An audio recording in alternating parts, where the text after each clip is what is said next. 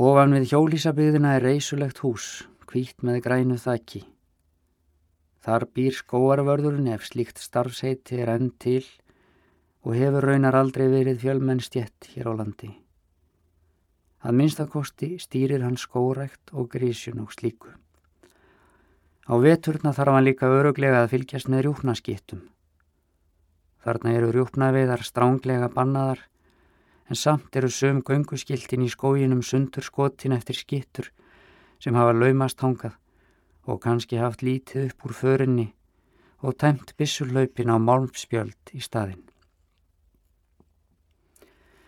Ég man eftir að hafa hitt skóarvörð norður í landi einu sinni þegar ég var á ferð með pappa í bjúikbílnum og hafi lagt mig í aftursætina og langri kerslu austur á bógin þegar hann rendi inn í stóran löfskó þar sem stóð lítið kvít hús langt inn á milli trjána. Ég var næstum sopnaður í bílnum og þetta er allt drömkjent í minninu. Í þessu húsi bjó skóarvörðurinn með konu sinni og tveimur börnum. Hann var sterklega vaksin og sköllóttur, í smekkböksum og grári skirtu og hann og konan tóka á móti okkur á hlaðinu í kvöldlókninu en börnin þeirra voru sopnuð. Ég var drifin inn og háttaður ofan í rúm, en pappi settist inn í eldhús og spjallaði við þau. Ég heyrði óminn af samræðum þeirra þar sem ég lá. Það var hálfopið fram og ljósrák barst inn til mín. Það var skrítin lykt af sengurfötunum, reynlega skóarlykt og ég fór að þreyfa á senginu og komst að því að í henni var þurkað lauf og líka í kottanum.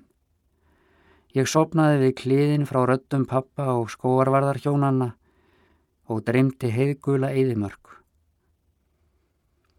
Þegar ég vaknaði og kom fram morgunin eftir, gaf kona skóarvarðar eins mér undursamlegan morgunverð með spældum eggjum, beikoni og allskinn skóðgæti. Hún var lágvaksinn, hæglátt kona og það var notalegt að vera nálægt henni. Úti á hlaðinu í morgunbyrtunni stóð pappi og reykti pípuna sína en skóarvörðunni skamt frá með högsi að höggva við í eldin og mér fannst að svona myndi allt vera í útlandum. Um hlaðið vappaði brún hundur af einhverju framandi kyni sem jók enna þessa tilfinningu mína að ég væri komin langt í burtu frá Íslandi. Svo kallaði pappi á mig við kvöttum hjónin og bjóikkin sílaðist af stað eftir malarveginum út úr skóginum. Græn bílinn var líkt og í felulittum undir trjákrónunum og síðan fórum við yfir þessa fyrðulegu bogabrú. Skólausar hlýðar blöstu við hinum megin og mér fannst ég aftur vera komin heim. Ég sá skóarvarðar hjónin aldrei aftur. Þennan skóarvörð sem býr hérna hef ég aðeins hitt í mýflugumynd einu sinni eða tvísvar. Ég mætti honum á fjórhjóli inni á dalnum. Það er að segja, hann var á fjórhjóli og kom á móti mér og stansaði smástund og heilsaði mér. Við skiptumst á fáeinum orðum. Þetta er ungur maður, langleitur með svart yfirskegg. Ekkert ólíkur starfsbræðrum sínum í miða-evróskum ævintýrum en engin bissa um auksl og fjórhjóliði staðsettur hann tryggilega í nútímanum. Ég fæ þó hugmynd að heilsa upp á hann í dag. Það er rólegur dagur um helgi og ég er ekki í skapi til að vinna. Eftir vil langar mig til að endur lifa bensku atvik með því að heimsækja skóarvörð í annað sinn á æfinni. Ég veit það ekki. Þetta er kannski eins konar leita þessum allræmda glataða tíma. Ég geng þarna upp eftir í blíðunni held mig á miðjum veginu með hátrið til begja handa og svo er ég komin inn á heimreiðina hjá skóarverðinum sem er lögð rauðamöl. Þessi rauðamöl og vöxtuglega trén í kringum húsið vekja upp óljósa minningu um málverk eftir Kaim Sútín. Á dyrapallinum likur risastór gráleitur hundur í bandi þegar ég nálgast. Hann lítur upp við komu mína en geltir ekki. Hann sínist ekki hafa nokkur náhuga á mér. Ef hann er svona rólegur þegar veiði þjóar eru annars vegar, er ekki mikið gagn í honum. Ég geng upp á pallinu og að dyrunum, klappa hundinum á kollin í leiðinni, örlítið hikandi. Hann er afar sifjulegur og lignir aftur augunum, tilur sig greinilega í mjög þægilegu starfi. Ég banka út í dyrahörðina. Hún er nýleg úr ljósum viði sem hugsanlega er hérna úr skóginum. Eftir nokkra stund eru dyrnar opnaðar. Ég verð orðlaus þegar ég sé hver stendur í gættinni. Það er konan sem ég hef verið að sjá undanfarið, ímist rauðklætta eða í grænu, jáfnvel ánfata. Henni verðist líka bregða fyrir sitt leiti og hún er dáltið flóttaleg þarna í dýrunum. Ég ætlaði aðtöfa með skóarvörðin, segi ég lóks. Hann fór burt, segir hún með skerri rött. Ég heyri að hún hefur erlendan hreim, líklega austur-evróskan. Veistu hvenar hann kemur, spyr ég. Nei, segir hún, veit ekki. Ég hugsa margt á meðan ég horfi á hana. Hvort hún sé konan hans sem hann hafi náði í þegar hann var í skófræði námi ytra hvort hann hafi fengið hana í nett í áni eða hvort hún sé bara ráðskona hjá hann. Ég veldi því fyrir mér frá hvaða landi hún geti verið. Um hvaða skóa hún hafi reikað sem barn, verð samt engu nær og tungan framkvæmir ekki allar þær spurningar sem eru komnar fram á varirnar. Einhvern veginn finnst mér að hún geti verið tjeknesk og ósjálfrátt fer ég að hugsa um Karpatafjöllin þennan mikla fjallgarð sem ég hef skoðað myndabækurum en aldrei séð með eigin augum.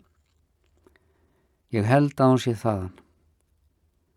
Við horfumst í augun nokkra stund, síðan vík ég frá dýrunum, alltaf því hörfa.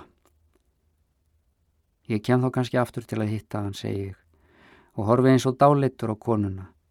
Dögt, sítt hárið og ávalar axlirnar. Það mótar vel fyrir brjóstunum undir výðri og blóma saumaðri skýrtunni. Þú málar, segir hún allt í einu. Já, ég gerir það, svara ég. Sá þig mála, segir hún. Ég veit, segi ég og ætlaði að segja eitthvað meira, en það koma engin orð fremur en áðan. Ég sé hana bara fyrir mér í rjóðrinu þarna um daginn, stygga eins og hind úr suðlægar í skóum. Þú kemur setna, segir hún svo, og lokar dyrunum hægt. Ég stend á pallinum við hliðina á hundinum sem nú er steinsofandi eða þykist að minnstakosti vera það. Sólinn skína á okkur tvo þarna á pallinum. Einhver tíma voru þær fjalir tregi einhverjum skói. Kanski koma þær beint úr skóinum hérna, eins og mig grunar að hurðin hafi gert. Ég dreg málarahættin upp úr bakbókanum, seilist aftur fyrir aukslina eins og ég ætlaði að draga ör upp úr örfamæli, en það er hatturinn sem ég kem upp með. Ég þrýsti honum á höfuðið og geng svo niður auðmalarstíin, ráðviltur líkt og í draumi. Veit ekkert hvert ég á að halda eða hvað ég á að halda. Það er eins og öllu saman ef einhvern veginn verið snúið á kvolf. Ég geng hægum skrefum, næstum eins og aldur nýjin maður tilbaka að hjólísa byggðinni. Það er ekki hægt að segja að ég hugsi hlílega til skóarvarðar eins á meðan. Af hverju þurft hann endilega? en sólinn skín og smám saman léttir yfir mér aftur. Ég tek hattin af höfðinu fyrir að hugsa um mynd sem ég á eftir að klára. Hún er af lingbrekku í kvammi hér neðan við, eins konar nærmynd af berjalingi, tilraun til að fanga það sem er smágerðast í náttúrinni og mér finnst oft endur spekla betur en margt annað þetta mikla afl á bakvið sköpunarverkið. Afl sem sést ekki en allir geta fundið í sjálfum sér ef þeir leita. Þegar ég kem inn í hjólísabygðina verður fyrir mér alvöru ljóst hvað hjólísin mín skera sig úr hinnum. Þau eru mun eldri og rörlegrið að sjá, upplit og jafnvel dælduð, meðan hinn eru nýja og gljáandi með splungu nýjum trepöllum í kring. Ekki það, ég öfunda engan af hjólísinu sínu. Ég gerir mér samt enn skýrari grein fyrir því hvað ég er langt frá hinnum íbúunum í þessu rjóðri, þótt aðeins séu nokkrir týjir metra á milli og ég vil minna en það. Líklega hefur engin áhuga á manni sem málar myndir og býr einsamall í hálf niðurnýtum hjólísum, grillar aldrei og fær varlan nokkur tíma gesti úr borginni og alls ekki gesti sem koma á stórum og fínum bílum og leggja þeim við hliðina á stórum og fínum bílum þeirra sem verið er að heimsækja. Það er táknum velgengni í samfélagi mannanna að fara á stórum bíl út fyrir borgina um helgi og heimsækja einhvern í sumarhísi og láta svo heimsækja sig næstu helgi og eftir í sinn sumardvalarstað. Þannig líf getur ekki brúðist. Ég röldi að kervilrunnanum sem er á bakvið stærra hjólísið. Hann er í fullum blóma og anísliktinn sterk í sólskininu. Reyndar svo megnað ég fer að rifja upp gamlar stundir á börum með pernó í glasi. Mögulega get ég bruggað pernóur þessum runna hér ef ég hefði tiltækar leiðbynningar. Ég geti kallað drikkin skóarpernó. En uppskriftin hefur vist verið frans leindarmál síðan 1805 svo þetta verður ekki að veruleika. Ég fer inn í vinnustofuna og sest í grænastólinn sem oftar, horfi á lingbrekkumyndina á trönunum, hvernig berin eru farin að spretta þarna á stryganum. Það væri líka hægt að brugga ár berjunum. Ég veit ekki af hverju ég er allt í hennu farin að hugsa svona mikið um vínbruggun, ég sem hef aldrei lagt í. Svo hætti ég að huglega þetta, dreg eina af þessum volgu bjórdósum undan borðinu og tek hana upp. Um leið og ég kingi fyrsta sopanum ákveði ég að það sé best að láta aðra um að brugga fyrir sig. Því næst grýp ég um jóstapensilin og fer að mála. Ég hef sett á mig lesklerugun til að sjá betur þegar ég mála rendurnar á þessum örsmáu blöðum linksins. Sólinn skíninn um gluggana á hjólísinu. Það brakar í gólfinu þegar ég tvístíg fram aðeins strygan. Mér verður litið út sem snöggvast og sé tvo smástráka í fótbolta á algrætni grasflötinni í miðju hjólísa þyrpingarinnar. Þeir eru báðir klættir í enska fótboltabúninga og boltin þeirra er gullitaður. Hann þýtur um nýslegið grasið á milli þeirra, líkur fjöreggi trölla á ræfintýrum eða hálf kulnaðri dvergsól sem hefur fallið hingað utan úr gemnum, framhjá þeirri risastóru gaslugt sem lýsir núna ofan af himninum eins og hún hefur gert í mörg þúsund miljón ár. Allt sem lifir er undir henni komið, en engin mann það stundinni lengur. Flestir haldað allt þeirra líf sé undir þeim sjálfum komið. Forni Egiptar hafðu átrúnað á sólinni og gáttu kannski þess vegna byggt alla þessa píramíta. Þeir trúðu á ljósið og skildu um leið til fulls myrkrið í grafísunum. Eftir allt saman er kannski ekki svo mikill munur á grafísum og hjólísum. Í báðum tilvikum eru þau fyrst og fremst svepnstaðir. En Egiptarnir máluðu beint á veggina í grafísunum og voru ekki með neinar trönur. Þeir máluðu við kindla sem voru staðgenglar fyrir sólina, þá sömu og skínu inn um glukkana hjá mér.